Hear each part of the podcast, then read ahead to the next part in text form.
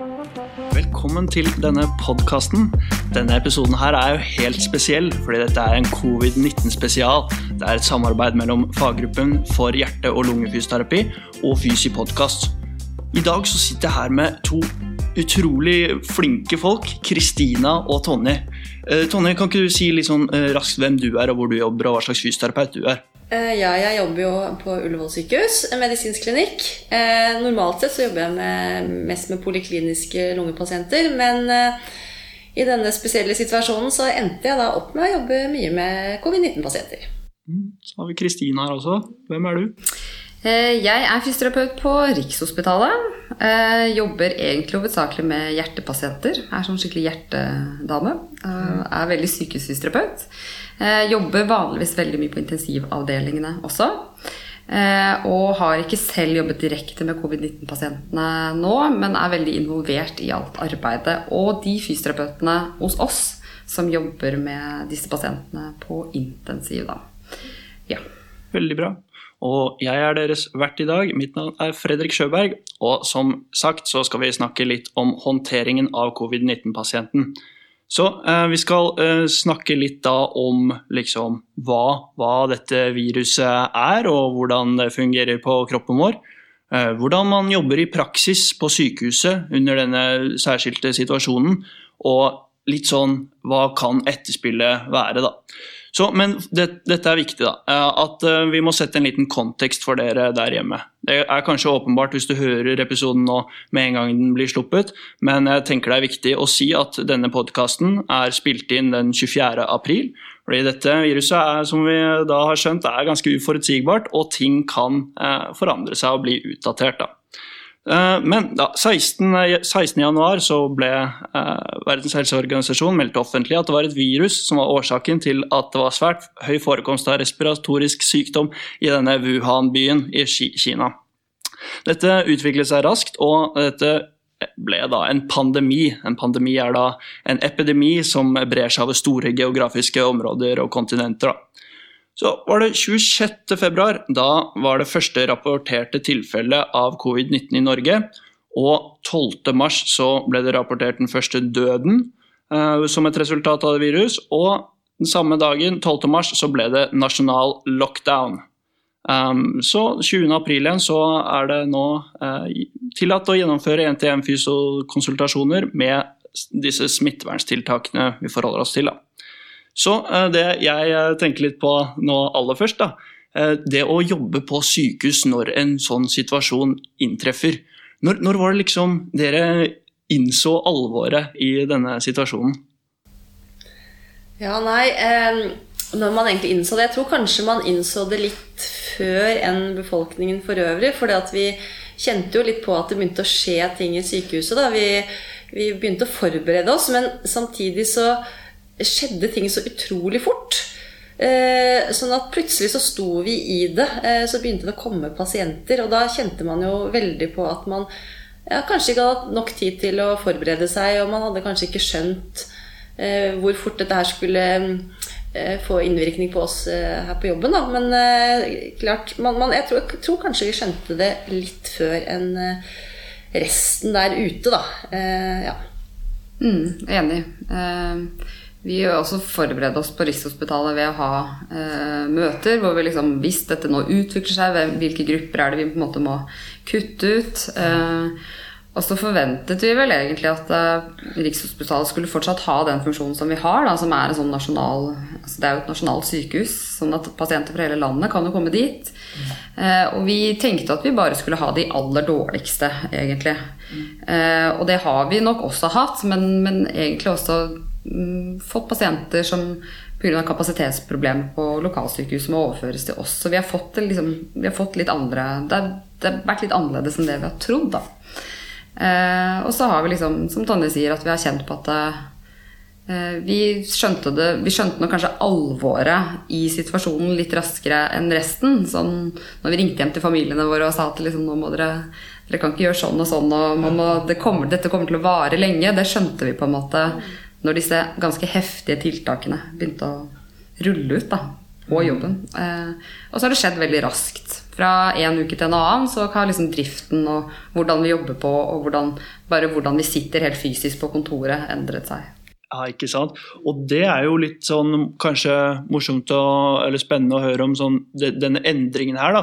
Og kanskje også liksom hvordan dere har forholdt dere til hverandre når en sånn situasjon plutselig sto på døra og, og ønsket seg selv velkommen. Eh, liksom, vil dere se noe om hvordan det har vært å jobbe, jobbe i et fagmiljø på sykehus i denne perioden, eller? Ja, altså, eh, for Det første så, det, det, første som jeg begynte å tenke på når, når, vi skulle forberede oss på dette, her, var jo at vi var i ferd med å bygge en festning eh, her på sykehuset. Det var sånn, vi, vi, eh, begynte å lage en festning. Folk, det var eh, besøksforbud. Vi satte opp eh, telt på utsiden hvor man da må Man kommer jo nesten ikke inn her. Og så skal liksom den krigen den skal foregå inni festningen. Og så følte man at man, var liksom, eller at man er en del av den krigen, og den er her inne ja. i sykehuset. Så det var en veldig sånn spesiell følelse. Og så eh, begynte vi jo ganske fort å skjønne at f.eks. vi kunne jo ikke sitte på samme kontor lenger, så vi begynte å spre oss veldig. Og det, det gjør jo noe med at man ikke ser hverandre på samme måten som vanlig. Så man blir litt sånn ensom eh, i hver sin krok. Eh, og så ble det jo sånn at vi måtte jo begynne å og endre på, på, hvem som gjorde hva. Vi måtte, jeg sluttet å jobbe helt med det som jeg vanligvis gjør. ikke sant? Eh, vi måtte omrokere folk. Eh, og de som skulle da etter hvert inn og jobbe med covid-19-pasientene, ble øremerket bare til det. Så da måtte noen andre gå inn, kanskje gjøre den jobben som de gjorde på en annen avdeling. Så, og, og, alt dette her skjedde samtidig med at vi fikk pasienter. Sånn at det, ble en, det har vært en veldig stor endring. Samtidig så har det vært en ekstremt eh, dugnadsånd, hvor alle virkelig har eh, stått på og jobbet eh, kanskje mye mer enn det man kan forvente. Og alle har vært, både i fysioterapiavdelingen, men selvfølgelig i sykehuset generelt, alle har hatt en ekstremt sånn ja, pågangsmot, og dugnadsånden har vært veldig, veldig sterk, da. Det vil jeg si. Og, og egentlig veldig sånn imponerende at altså det, det, har kanskje nesten aldri vært så god stemning på jobb som det det er nå. Liksom. Altså, det høres sikkert veldig rart og feil ut for alle der ute, fordi vi driver med de aller dårligste. Men det er en eller annen sånn mekanisme som slår inn, tror jeg. At da må vi bare kompensere litt. og gjøre masse tiltak altså, innenfor de smittevernrestriksjonene vi har. da men, eh, men, ja, vi, vi, finner på masse morsomme ting. Altså sånn, det, er, eh, ja, det er liksom Latteren sitter litt løsere og uh, Så det er veldig sånn Jeg tror at sykehusfysioterapeuter er veldig vant til å omstille seg raskt. For det er vi på en måte vant til fra hverdagen vår uansett. Vi vet aldri hvordan en dag på jobb egentlig er. Nå er det selvfølgelig helt ekstremt, for nå er det sånn, nå vet vi ikke hvordan en neste uka på jobb skal være, på en måte, for ting endrer seg så raskt. Så jeg tror vi på en måte er egentlig veldig sånn godt rusta til å takle disse ekstreme forandringene da, som har skjedd på liksom så, så, kort tid. Så ja, nei, det er veldig det er, på en måte, det er jo veldig fint å se også, da, oppi alt det som er veldig egentlig trist og vanskelig. Ja, absolutt. Når du, når du har liksom den der um, metaforen på at vi bygger en festning her på sykehuset. Jeg ser nesten for meg sånn Game of Thrones, og alle, alle er der inne, og der kommer fienden. og liksom, Nå skal vi felles, et felles mål om at nå skal vi ta det. Og, og Ullevål eh, ringer den allierte borgen på Rikshospitalet, og du får liksom virkelig eh, Men hvordan har det Har det vært, liksom, har det vært noen endringer i hvordan sykehusene har eh, snakket sammen, eller? Eh, ja, det vil jeg jo si. Nå, jeg har jobbet veldig lenge i dette systemet. altså Jeg har vært her i over 25 år. Eh, og jeg må jo si at det som har skjedd nå de siste ukene, har jo vært eh, utrolig bra. For vi har, selv om vi er OUS og er samme sykehus egentlig, så har vi jo levd litt i hver vår egen verden, da.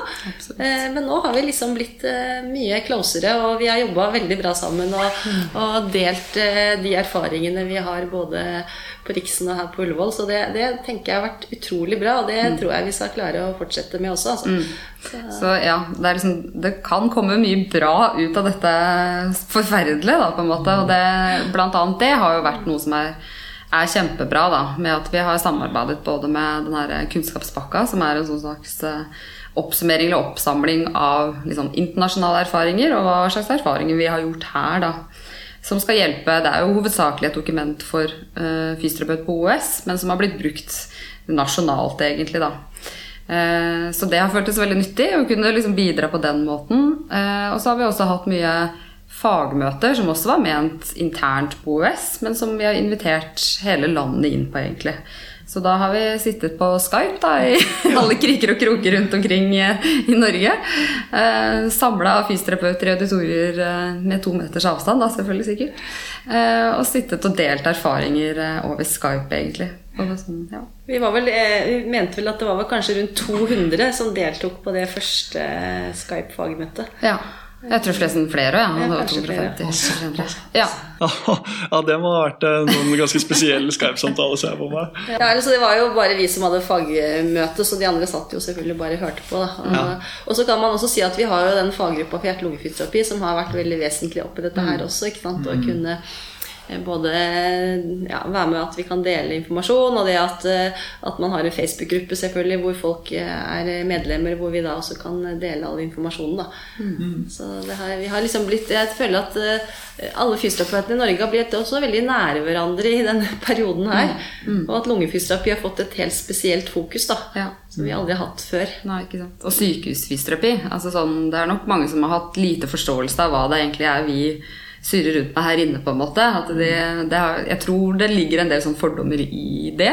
Mm. Men at vi nå kanskje endelig kan vise at uh, det vi gjør, er faktisk høyspesialisert. Det er ganske komplisert, og det er ikke så mye vi lærer av det på grunnutdanninga.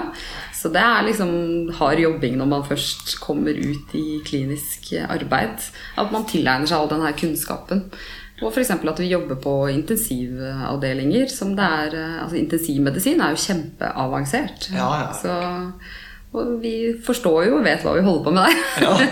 sånn at eh, Ja, endelig, da, føler vi kanskje. At nå kan dette her liksom komme frem. hvor mm. Hvor ja, flinke vi egentlig syns vi er da på ja, sykehusene. Og vi gjør en forskjell, altså. ja, ja.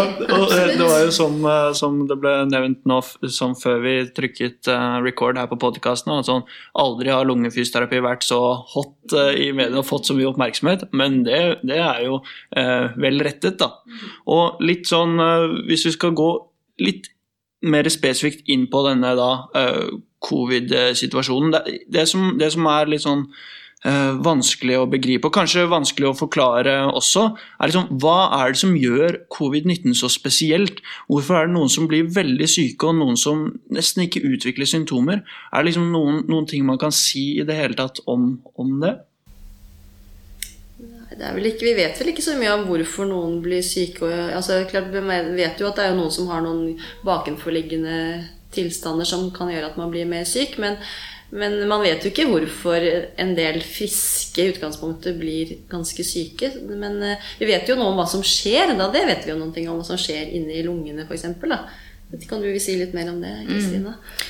Altså, eh, Covid-19 er jo da hovedsakelig et, et, virus som angriper lungene. Men nå er det også mye rapporter om at det påvirker andre organsystemer også. Men eh, hardest blir jo lungene, virker det som, da, i hvert fall. Eh, og det får størst konsekvenser. Så det er jo egentlig en, det er jo en lungebetennelse, det er en pneumoni, viruspneumoni, eh, som er såpass heftig da, at den lager en sånn innmari sterk hos de, de, som blir aller dårligst. Da, de som har mild sykdom, får ikke denne her voldsomme lungebetennelsen. Mm. Men de som blir liksom moderat til alvorlig syke, mm. de får da en sånn heftig inflammasjon i lungene sine. Og da skjer det jo masse ting egentlig i lungene. Um, helt sånn nede på cellenivå, altså cellemembrannivå spesielt. Mm. Eh, hvor både eh, cellemembranen på alveolene og også på eh, kapillærer og lungevener blir veldig permeable. Altså de blir veldig sånn eh, Det lekker rett og slett litt sånn feil vei. Det følges ikke riktige prinsipper, da, ikke sant? fysiologiske prinsipper. Så alt blir veldig sånn patologisk. Eh, og så er det sånn at det da eh, sliter de med å få inn Det vi liksom har sett, er at de sliter med å få inn nok luft. Så er det sånn at vi voksne vi kan kompensere ganske mye for det at vi har lave oksygeninnhold i blodet vårt. Um, ved at vi kan puste raskere, f.eks., så får vi liksom mer luft inn, og så kan vi kompensere litt. Og så er det sånn at de som er friske og har friskt lungevev fra før, de har også muligheten til at lungevevet kan utvide seg. Altså lungecompliance er normal, eller er god, da. Eh, og det man, eh, som er litt sånn uvanlig med den infeksjonen her, det er vel at vi har sett at eh, selv om lungevevet blir så inflammert at det er sånn heftig betennelsesreaksjon, så vil vanligvis compliance bli dårligere. Men her beholdes den egentlig ganske lenge. Sånn at folk går hjemme og er egentlig innmari syke uten at de vet det. Eh, og uten at de egentlig fremstår så veldig syke også. Og så bikker det på en måte til at de oppsøker sykehus eller eh, legevakt eller fastlege. Og så er det jo da noen som da har kommet inn på sykehuset, og så måler man oksygenmetningen og sett at den har vært liksom nede på 50 ikke sant? Den skal jo ligge opp mot 100, da. Har vært over 90. Ja. Eh, og det er jo kjempealvorlig. Altså at de kommer gående inn med en metning på 50, er jo egentlig helt utrolig. ja, utrolig. og så fallerer de ganske raskt etter det, da. Eh, og så blir liksom Hvis dette her bare da får utvikle seg enda mer, så kan man da komme over i en tilstand som kalles for ARDS, som står for Acute Respiratory Distress Syndrome. Ja. Og når det er et syndrom, så er det jo masse ting som skjer. Så det de beskriver dette her med, er at det er liksom en sånn kaskade av ting som skjer. Ja. Og denne prosessen med at uh, ting lekker feil vei, den bare økes. Uh, og så ser man det at uh, spesielt da permeabiliteten på blodkar blir veldig dårlig, sånn at du begynner å lekke proteinrik væske ut i selve lungeinterstitset og inn i alveolene. Og når det er væske inni en alveole, så er det jo ikke plass til luft. ikke sant? Nei. Og rett og slett så fyller lungene seg opp med væske. Og dette, hører, og dette, er veldig dramatisk, og nå vil det høres enda mer dramatisk ut, men det er nesten som man drukner fra innsiden. egentlig. Så det blir en sånn voldsom ødematøs eh, lunge som blir tung og våt. Eh, og da vil ikke man klare å kompensere selv. Og da er man nødt til å få hjelp Eh, av en respirator, f.eks. Mm.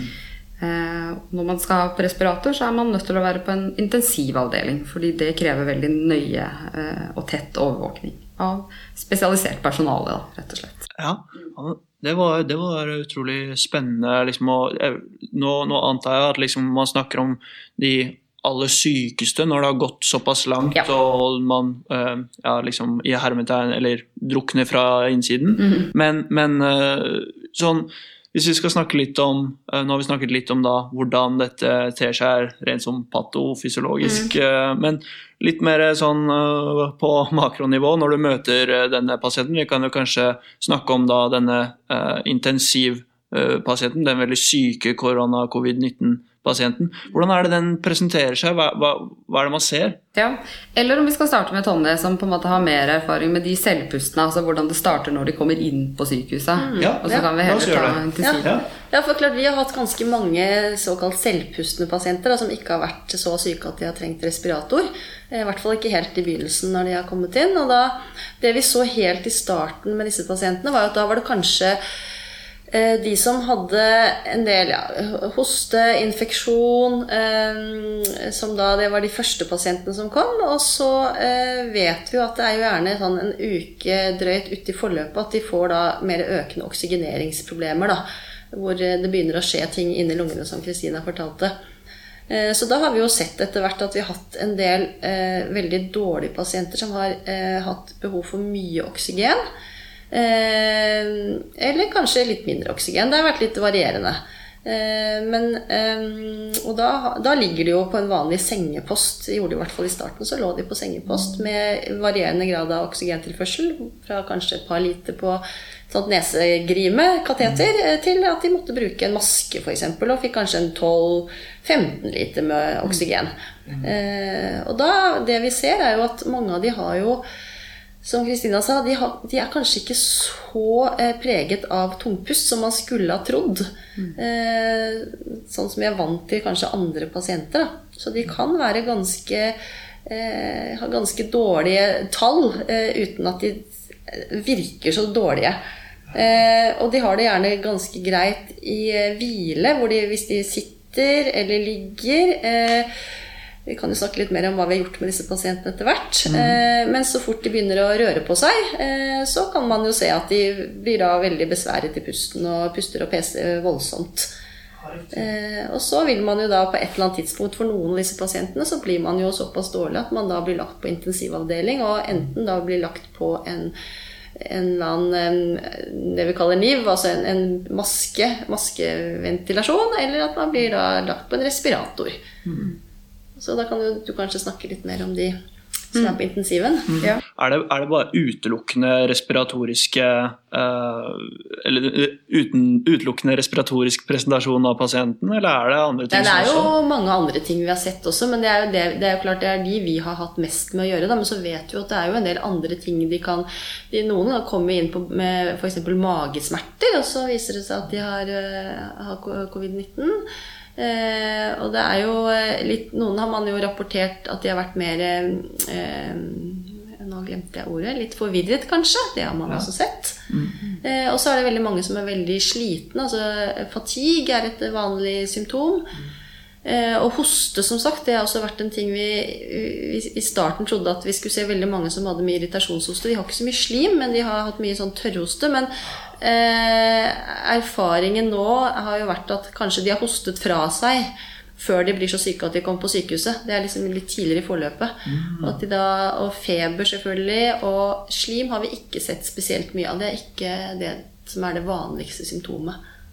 Og det er kanskje noe som også skiller dette litt fra andre pneumonier. Da. For mm. spesielt sånne bakteriepneumonier pleier det ofte å være veldig mye slim. ikke sant? Mm. At det liksom... Ja.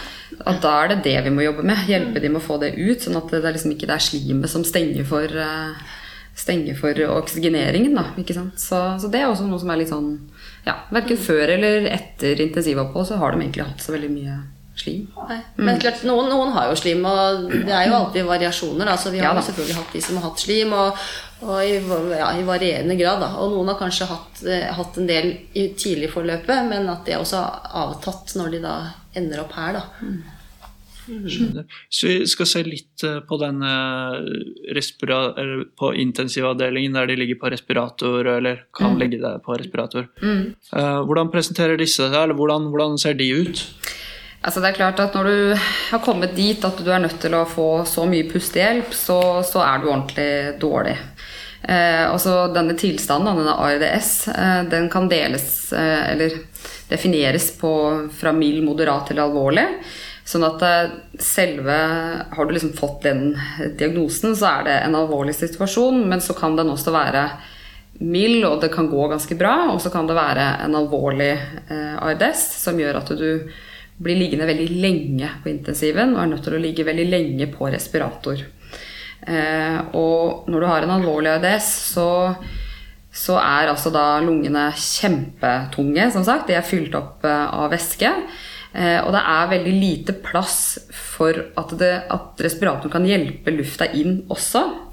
Eh, og man er nødt til å på en måte hjelpe disse pasientene så godt man kan, fordi vi har jo ikke noen medisiner mot covid-19. ikke sant? Så man må liksom bare vente, hjelpe de gjennom den fasen til de liksom kan klare å bekjempe viruset selv. Og da er vi nødt til å hjelpe de med pustearbeidet. Så det som da blir gjort, er at man blir lagt på respirator. Er man veldig syk, så blir man lagt på et sånn spesielt modus hvor man kontrollerer veldig hvor mye luft som skal gå inn. Altså en volumkontrollert modus. Mm. Sånn at da kan maskinen helt bestemme akkurat hvor mye luft pasienten skal få inn. Og da vil man egentlig ha ganske lite luft. Fordi hvis man bare pøser på med høye volum og høye trykk og sånne ting, mm. så kan man skade lungene.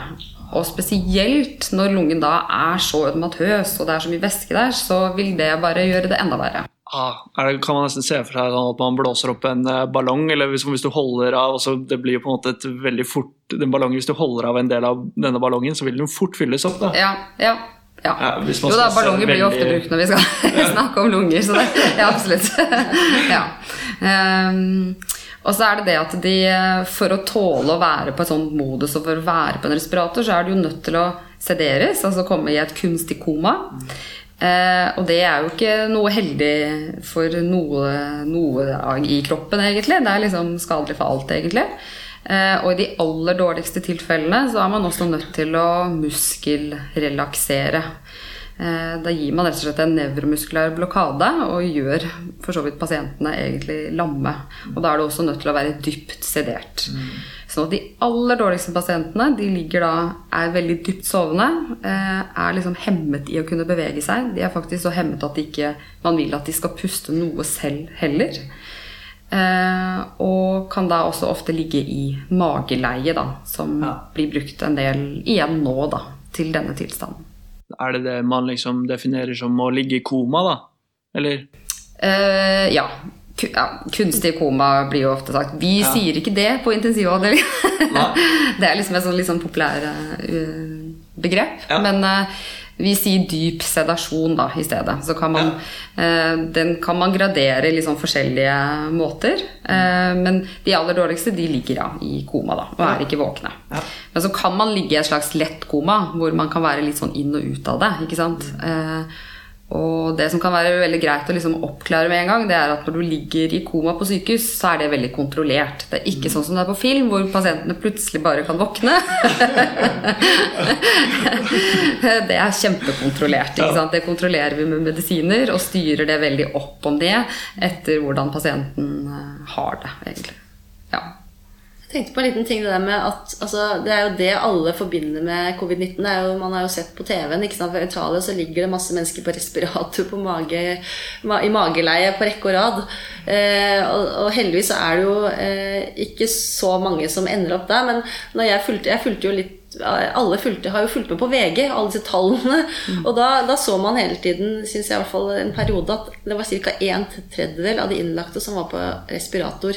Jeg tror det er ca. det man har sett det, jeg vet jo ikke. Det, og det er jo mye mer enn det vi er vant til å se med andre tilstander, vil jeg tro. da, Sånn type influensa og sånn. Så Ja. ender jo ikke folk på respirator i samme grad.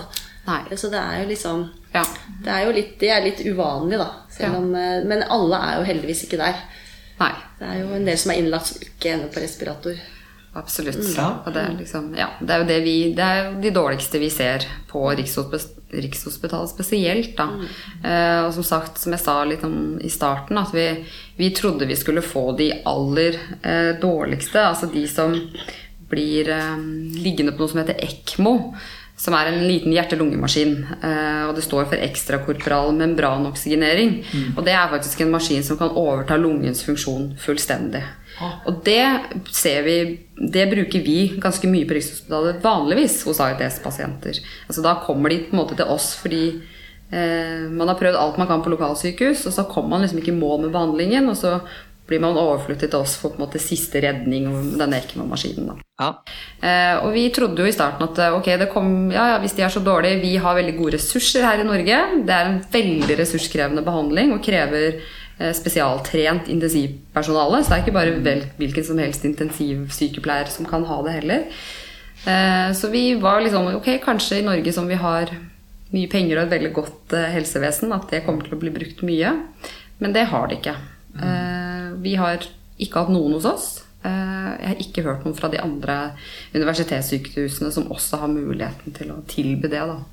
Så det sier også et eller annet om at eh, Det er litt annerledes enn det man Ja. er vant til, da. Ja, rett og Ja. slett. Eh, Så vi har jo hatt noen som har kommet for vurdering om de skal få denne behandlingen. Men så har man klart å, å komme i mål med annen behandling, da. Eller respiratorbehandling og, og mageleie, da, rett og slett. Mm. Eh, hvis vi skal eh, se litt på sånn eh, Tonje har jo kjempelang erfaring med å jobbe med pasienter kli, klinisk. Eller på, du har jo jobbet her på Ullevål på medisinsk klinikk og jobbet med lungepasienter i lang tid. Er det liksom noen, noen sånne store skilnader for hvordan man jobber i praksis med disse passene? Hva gjør man liksom når eh, man har en eh, covid-pasient eh, liggende på post? Ja, og det var jo det, ikke sant? Måtte jo, her måtte jo veien bli til mens vi gikk. Og vi trodde jo som at vi forberedte oss litt på at ja, nå kom det en gjeng med masse veldig hostete pasienter eh, av de selvpustende. Eh, og, så, eh, og så visste vi, vi hadde at ikke det var noe særlig slim. Det hadde vi jo også lest og hørt. Eh, Men, så det var denne oksygeneringssvikten. Da. Eh, Og mine gode kollegaer som sto enda mye mer oppi dette her enn meg, de, de fant vel etter hvert ut at ok, det viktigste var kanskje å leire pasientene i gode stillinger, sånn at de på en måte fikk best mulig metning og pustet på en best mulig måte. Og vi er jo vant til kolspasienter og hvilestillinger og sånne ting, men det som man fant ut at de hadde det kanskje aller best, eller har det, har det aller best, i sideleier, gode sideleier, og også over mot magen. Og eh, Vi har jo ikke så mye tradisjon på å legge selvpustende pasienter i mageleie, men det har også kommet veldig frem nå, og det hører man jo Man gjør jo alle andre steder og i andre land også, at, vi, at man legger da pasientene eh, på magen også for de som er selvpustende. Mm. For vi vet at vi har jo veldig store lungeflater bak på ryggen, holdt jeg på å si, og da vil jo de komme øverst. Eh, og så har dette noen ting med som vi snakket om compliance, og at ting kommer på strekk, og at man klarer å da få noe oksygen fram dit. da. Mm. Eh, og det er jo det man har sett på røntgenbilder, at de har jo mye ja, forandringer, fortetninger, nederst i lungene og i ytterkantene, på en måte ytterst. Det er som egentlig eh, gassutvekslingen. Da. Eh, det er som oksygenet skal kunne komme ut i blodet. Mm. Eh, mens det er det som er litt vanskelig å få til da, når de har eh, har disse forandringene. Men man har erfaring med at det mageleie og sideleie det har fungert egentlig veldig bra.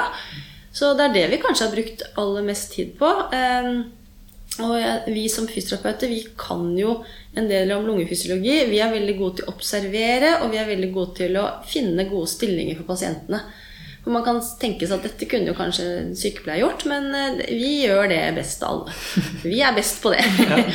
og vi er opptatt av pust, og vi kan også observere pust. Mm. Eh, som kanskje ikke andre yrkesgrupper er like gode til som vi er. Så vi ser om en pasient puster fort, eller vi ser om en pasient puster høykostalt eller basalt. Vi, og da kan vi gå inn og, og eh, tilrettelegge for at pasienten kan puste på en best mulig måte. Så jeg, jeg, vil si at det er det vi har gjort kanskje aller mest med disse pasientene. Og så er det selvfølgelig viktig å mobilisere pasientene. Og vi vet jo hvis man blir liggende pladask i dager og dager, så er ikke det så bra verken for eh, FRC, hvis vi skal snakke om sånne Alle får gå hjem og lese om hva FRC er. det får være dagens nøtt. Hva er FRC? Men vi vet at eh, ja, Vi vet jo at hvis pasientene blir liggende lenge eh, sånn generelt, så kan man jo få atlektaser, f.eks. Så det er jo noe med å få de opp også. Men jeg vil si leiring har vært eh, viktig. Det der med å jobbe litt med hostekontroll for de som har hostet mye, for det er det også noen som har gjort. Noen få har trengt hjelp til å, med slimmobilisering.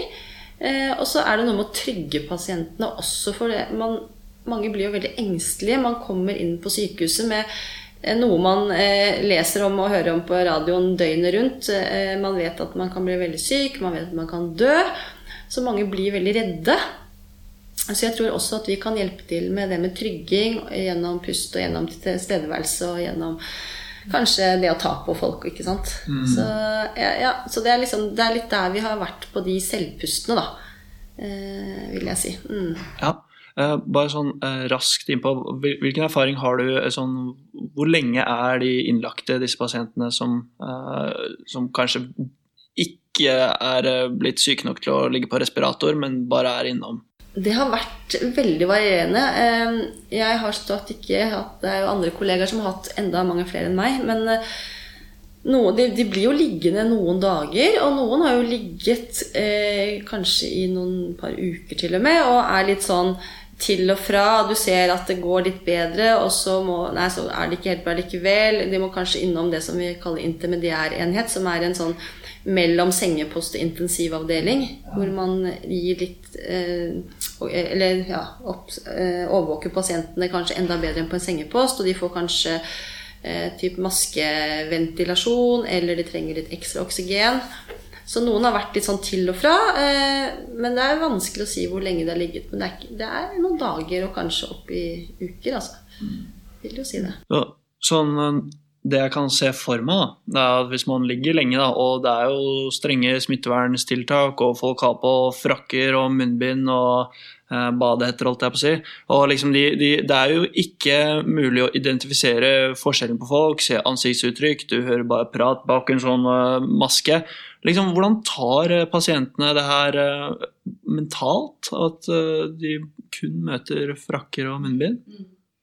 Der har vi jo gjort noen erfaringer på Rikshospitalet hvert fall, med at eh, en høy andel av disse pasientene har noe som heter for delirium. Altså en sånn akutt forvirringstilstand som alle mennesker kan oppleve, og som ofte som er ganske ut, eller En av de største risikofaktorene for å utvikle det er kritisk sykdom da, og intensivbehandling. Så vi er vant til å ha det, og vi ser det mye ofte på intensivavdelingene fra før også, men nå er det en sånn påfallende større andel som har det.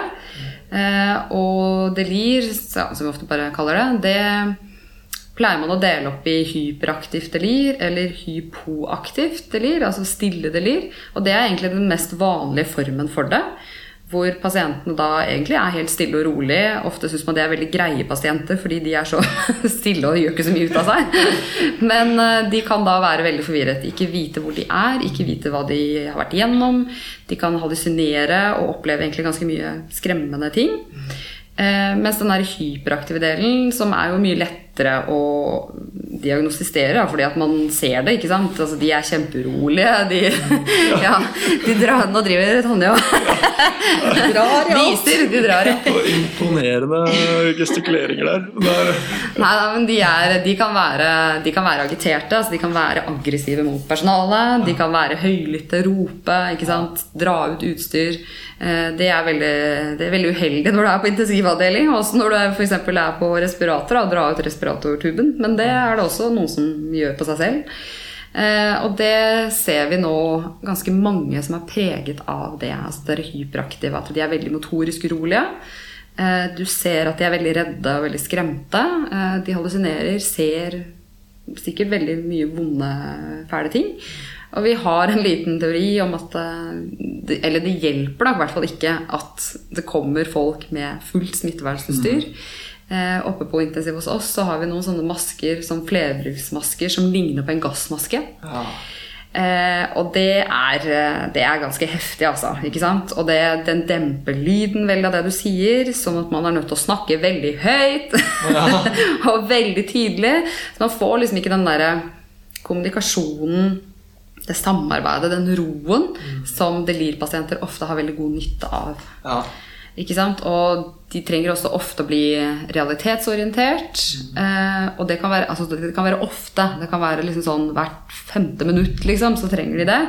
Men hvis du må rope at du er på Rikshospitalet, ja. da det, kan det liksom nesten være litt mot sin hensikt. Ja.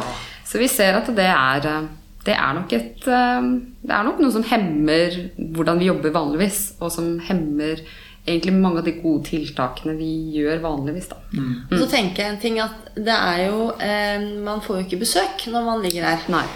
Eh, så folk blir lagt inn, eh, og så får de ikke se familien sin. Og eh, det er jo skremmende nok i seg selv, og at som mm. sagt, alle vi kommer inn med alt mulig utstyr på oss. Og da når man er i en sånn intensivsetting, hvor man da våkner opp og ser masse Ja, man ser som man er i en dårlig Hollywood-film, ikke sant? og slanger og ledninger, og så får man ikke engang eh, se noen man kjenner. Og hvis de som man kjenner, kommer på besøk, så er de jammen meg pakket inn, de også. Mm. Så det er liksom en helt ekstrem situasjon, ja. Eh, tenker jeg. Så man har blitt, eh, altså Vanligvis så pleier vi å henge opp f.eks. bilder av familie og liksom hund og liksom hyggelige ting, og det gjøres også nå. Og så bruker man det da mer tekniske løsninger, da, som at man setter inn en iPad, og så kan man eh, FaceTime f.eks. Så, det, så det gjøres nå, da, i større grad. Men det er klart at du skal jo også være ganske sånn på for å skjønne at nå ser jeg på en skjerm med de hjemme, liksom. ikke sant? Er du helt hallusinert, så vil du kanskje ikke forstå hva det egentlig er for noe. Så det brukes mer sånn iPad og telefoner og, og sånne ting da, for å få kontakt med de hjemme. For det vet vi er en også kjempeviktig, mm. et kjempeviktig tiltak da, ja. på intensivavdelingen. Mm. Sånn uh, liten innpå der, sånn hvis man syns dette med uh, liksom delir og intensiv fysioterapi og sånn, så har Marit Follesund Viravong hatt en helt e-, egen episode og hun snakker mye om dette med forebygging og sånn. da. Men jeg ser jo absolutt for meg, liksom med de ordene hun hadde i bakhodet og hva du forteller, så er det liksom det er noe som krasjer litt sånn i hele den der, da. Men uh, ok, jeg skjønner. Um, sånn um, hvis uh, det er noen sykehusfysioterapeuter som hører på podkasten her nå, og liksom uh, Har dere noen stalltips uh, som liksom Dette er viktig å gjøre med disse pasientene for kanskje uh, fysioterapeuter som jobber på mindre sykehus, eller må håndtere da, disse innlagte pasientene? da? Mm. Ja, så Det er jo litt det jeg nevnte i sted, da, om det med, med leiring. Og kanskje ikke altså Vi fysioterapeuter vi er jo en sånn rase som er litt opptatt av mobilisering og trening og eh, hei og hopp og tjo hei sann, liksom. ja. Men kanskje disse pasientene skal vi tenke litt annerledes rundt. At her skal vi sånn at jobbe med, med posisjonering, stillinger, eh, dempe respirasjonsarbeidet istedenfor å øke respirasjonsarbeidet. Eh, vi er også kjent for å være veldig glad i PEP og armstrekk. Eh, og kanskje ikke det er eh, nødvendigvis det disse trenger heller. Altså, er du ja, respiratorisk besværet, så er det kanskje ikke det å begynne å strekke disse armene over hodet det som hjelper så veldig godt. Kanskje vi skal tenke litt annerledes enn det vi er vant til å gjøre. En PEP kan også øke pustearbeidet. Hvis du allerede puster og peser mye, så er det det å finne gode stillinger for at man kan da ventilere på en god måte. Og, ja, så jeg tror det er kanskje det aller viktigste hvis man, når de er såpass dårlige. Ellers så tenker jeg at de som er hakket bedre, skal vi, kanskje ikke de trenger fysioterapi heller. For det er jo noen ting med hvem vi skal gå til, og hvem vi ikke skal gå til. Og med tanke på smitte, både smitte og smittevernsutstyr og forbruk av det også. Så man må jo tenke nøye gjennom eh, prioriteringer også, da. Det har jo vi snakket om her også. Hvilke pasienter prioriterer vi, hvilke prioriterer vi ikke? Eh, og det er jo en, også en viktig diskusjon da, som eh, har pågått. Så jeg si På intensiv så opplever vi vel ikke at vi gjør så mye nytt og annerledes og banebrytende enn det vi vanligvis gjør. Eh, Men nå vet vi at det er veldig forskjellige kulturer for intensivfysioterapi rundt omkring på de forskjellige sykehusene. Eh, Her i OS, både her på Ullevål og på Rikshospitalet, så står vi veldig sterkt på intensivavdelingene fra før. Sånn at vi har ikke kjent noe på at vi må kjempe oss inn der. De vi heller motsatte, de har vært veldig velkomne Altså, de er henvist veldig tidlig. Ehm, Sånn at de tingene vi gjør på intensiv med disse pasientene, er stort sett det vi pleier å gjøre vanligvis. Eh, Og vi er veldig på med tidlig mobilisering. Det er klart at når de er på respirator og de på en måte kanskje er over det aller verste, så, så også, også fordi de er på respirator, så har vi på en måte en backup og en hjelp. ikke sant? Sånn at der prøver vi heller å få de så tidlig opp som mulig, og så får de jo den pustehjelpen de trenger av, av respiratoren. Sånn at vi, vi tar de opp selv om de er på respirator. Ja. Og så er vi jo selvfølgelig også veldig delaktig i avvenningen fra respirator, fordi den ser vi er nok litt lengre enn det vi Altså Hos de alvorligst sykeste ARDS så er det lenge uansett, hva slags om det er covid-19 eller hva, hva det er som har gjort det. Um, så det er nok sånn som det pleier å være ganske vanlig, til vanlig også. Så det blir jo på en måte, det blir jo spennende å se statistikken over disse tingene. Da? For det samles jo nå masse data for å kunne vite mer. Eh, så da får vi jo se om det stemmer eller ikke. Men eh, vi har jo hatt mange pasienter nå med lange intensivforløp allerede.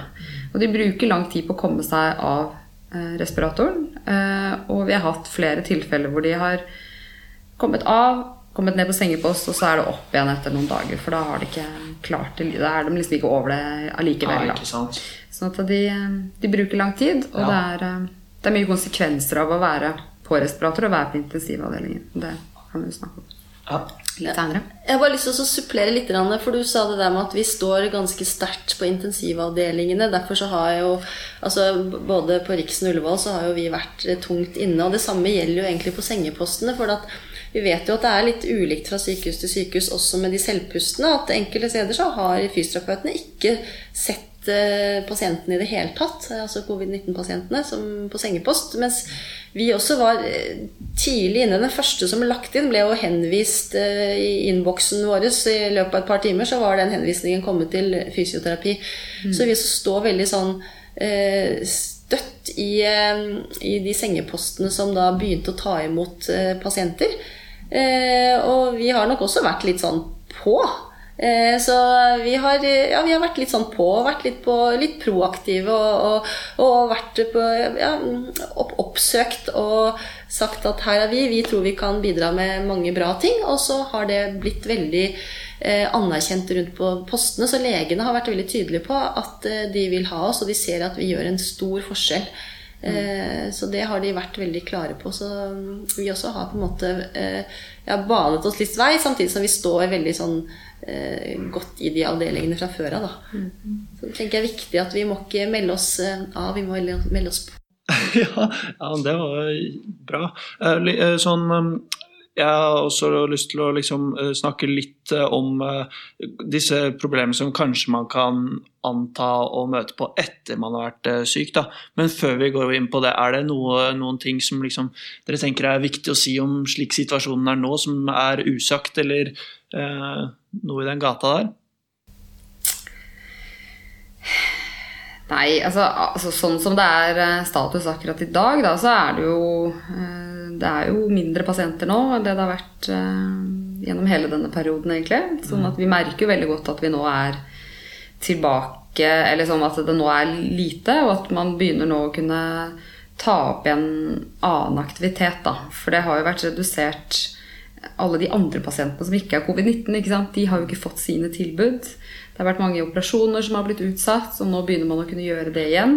Og det føles selvfølgelig godt å kunne liksom begynne å, å, ta disse pasientene igjen også. Fordi at man eh, har jo egentlig vært litt bekymret for hva det er som skjer der ute. Altså Jeg jobber jo mest med hjerteting, og det blir jo ikke noe mindre hjerteinfarkt av at det er pandemi, men vi har jo mindre hjerteinfarkter, så hva er det som skjer, på en måte? Ja. Ja.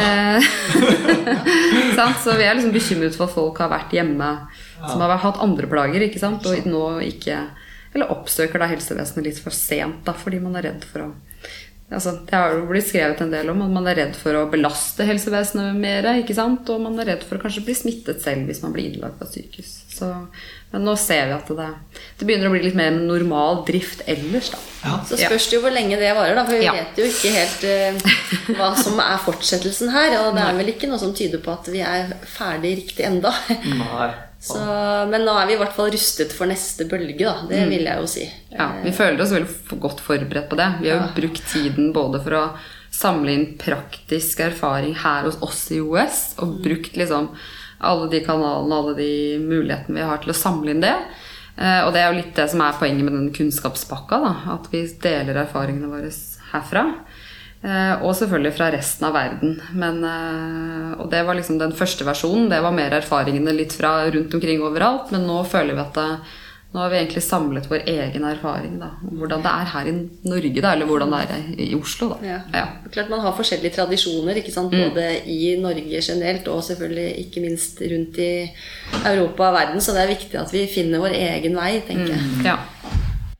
ja. det var jo uh, selv hvor uh, uforutsigbart dette viruset på et sett er, da, så er det jo eh, på en måte betryggende å høre at eh, dere liksom føler at dere er uh, forberedt til neste bølge, hvis den skulle møte oss. da. Uh, kjempe. Uh, hvis vi tar og tenker litt uh, videre på mot den siste bolken vi skal prate om i dag, dette med liksom, de vedvarende problemene etter sykdom. Som, så disse pasientene som da kanskje oppsøker kommunehelsetjeneste, rehabiliteringsinstitutter, sykehusinstitutter rundt i Norges land etter de har vært syke. hva Er det noe vi kan liksom, si og forvente om denne gruppen, eller? Mm. Um, altså vi, vi, vet jo ikke helt hvordan det går med akkurat disse ennå. Uh, og så er det jo veldig avhengig av hvor, hvor alvorlig syke de har vært. Mm. Men hvis man kan dra erfaringene fra andre AEDS-pasienter som har vært uh, alvorlig syke, så vet vi at det skjer egentlig ganske store utfall etterpå. Og det handler nok selvfølgelig om at du har vært veldig dårlig eller at du har vært veldig alvorlig syk og hatt en, en, tilstand i lungene dine. Men det er også konsekvensene av et intensivopphold. Mm. Um, fordi at, som jeg sa litt tidligere, det her med at man velger å sedere pasientene, muskelrelaksere de altså man, man kan Fysioterapeuter rundt omkring vet mye om muskelatrofi. Men dette er en helt annen type uh, muskelatrofi. Ja. Og det er, det er, også et, uh, et uh, fenomen som, som, har fått et eget navn, som heter ICU acquired weakness. Og det har det fordi at den atrofien du får på intensiv, den, det handler ikke bare om at du blir svakere i akkurat den muskelen. Det handler om at du har vært så alvorlig syk, du har vært gjennom en så heftig prosess. Hele kroppen har hatt en kjempeinflammasjon. Eh, så alle disse her tingene det gjør at du, du, blir enda svakere enn hvis du bare hadde vært litt i ro. da, ikke sant? Og så er det ikke bare at du er litt i ro, du er fullstendig i ro. du puster ikke selv engang. Sånn så du beveger ingenting på deg. Det skjer ingen aktivitet i muskulatur. Og det sier seg jo selv, for de aller fleste fysioterapeuter i hvert fall, at da blir du fryktelig svak på kort tid. Og det går raskt nedover, men det tar lang tid å bygge seg opp igjen. ikke sant? Så sånn rent muskulært så tar det tid. Eh, man kan også få mye nevrologiske utfall av å være på intensiv. Eh, man kan få permanente nevrologiske skader. Eh, og det må jo også rehabiliteres så langt det lar seg gjøre. Eh, så vet vi også at det er mye kognitive utfall etter disse heftige forløpene på intensiv. Som går på konsentrasjon, hukommelse, mange opplever depresjon og angst. Eh, det blir også veldig spennende å se om denne gruppen pasienter har en høyere andel av spesielt angst, kanskje. Fordi vi nettopp har sett at de er så deliriske og, og, og er veldig urolige. Eh, og vi vet fra andre ARDS-pasienter at dette er symptomer som kan vare i mange år etter utskrivelse. Det er rapportert opptil fem til sju år etter. Mm. Eh, og de aller verste Pasientene har også rapportert om posttraumatisk stressyndrom. Ja. sånn at dette er, liksom, dette er heftige ting. Eh, og det er absolutt ikke alle covid-19-pasienter vi snakker om nå. Dette er de alvorlig ja, syke sant, som, har ja, som, har vært, lenge på intensiv. Eh, de vil vi Vi tror jo og mener at de kommer til å ha behov for mye rehabilitering. Og da egentlig ganske kompleks rehabilitering, som ikke bare handler om å gjøre kvadriceps sterk igjen, liksom. Men det handler sant? om å å ta hele mennesket da, og ta alle de utfallene som disse pasientene kommer til å slite med. Og jeg som er veldig opptatt av eh, mer eh, polikliniske lungepasienter, som jeg jobber med vanlig. Jeg ja. Eh, tenker jo, altså Vi vet jo heller ikke om de får noe følgeskade i lungene sine. Og det kan jo også være de som kanskje Altså de som ikke har vært på respirator. Vi, vi vet jo ikke noen ting ennå. Mister de lungefunksjon? Mm. Får de mer fibroseskader i lungene? Får de bronkektasier?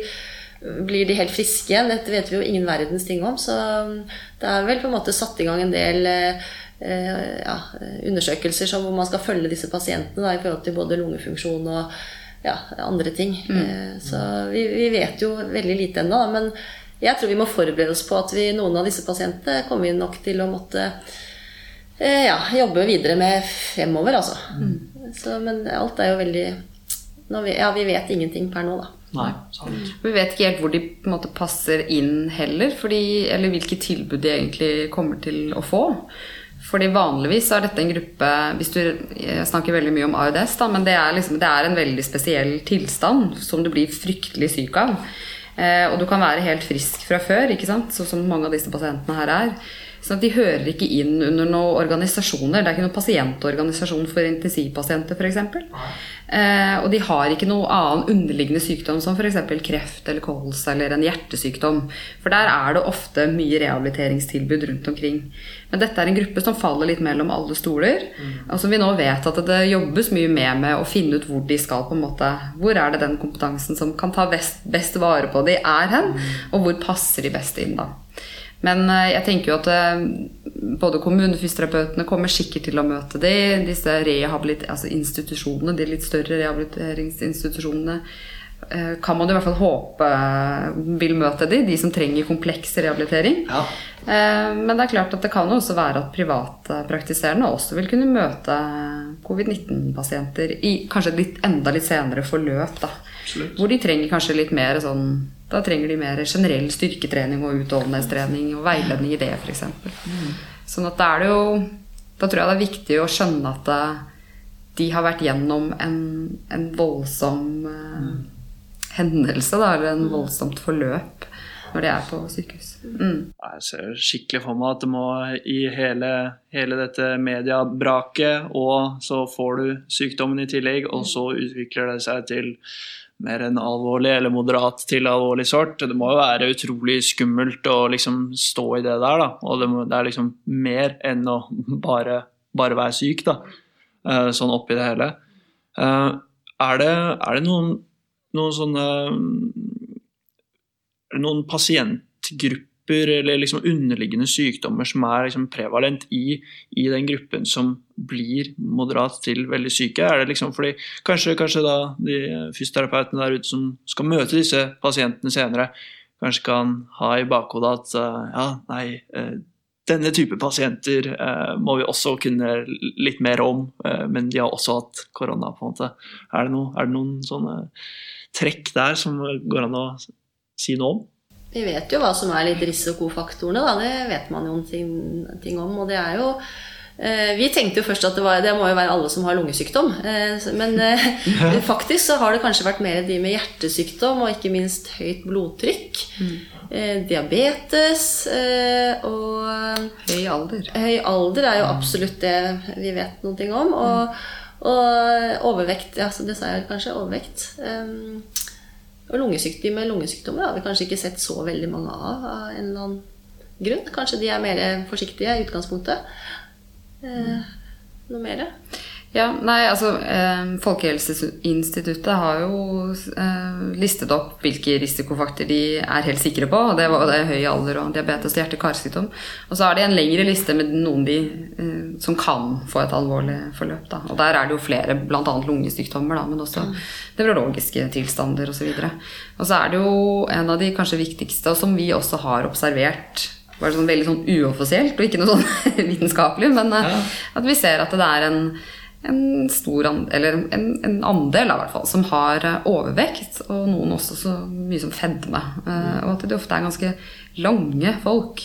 Uh, men når det er sagt, så, så, er det alle kroppsfasonger også. Ja. Det er ikke bare det, men det er kanskje en liten tendens til en høyere andel av, av overvekt. Da. Mm. Så det er jo liksom noe som er vanskelig å gjøre noe med etterpå. Eller ja. det er jo allerede oppsatt, liksom. Men, ja. Jeg stiller i hvert fall krav til eh, flinke fysioterapeuter for å sette i nye sengeleier, og det kan, ja. jo, kan det by på noen utfordringer sånn sett, kanskje. Men det er jo løsbart. Ja. Kjempebra. Um, yes. Er det noen ting dere har lyst til å føye til før uh, vi tar og runder det av? Jeg har lyst til å si det at eh, for det første så er det jo eh, veldig Det er jo feil å si at det er gøy. Eller jo, det er, det er, veldig interessant å kunne være med på noe som er liksom helt nytt og helt ukjent, og, og likevel føle at man kan få til noe veldig bra.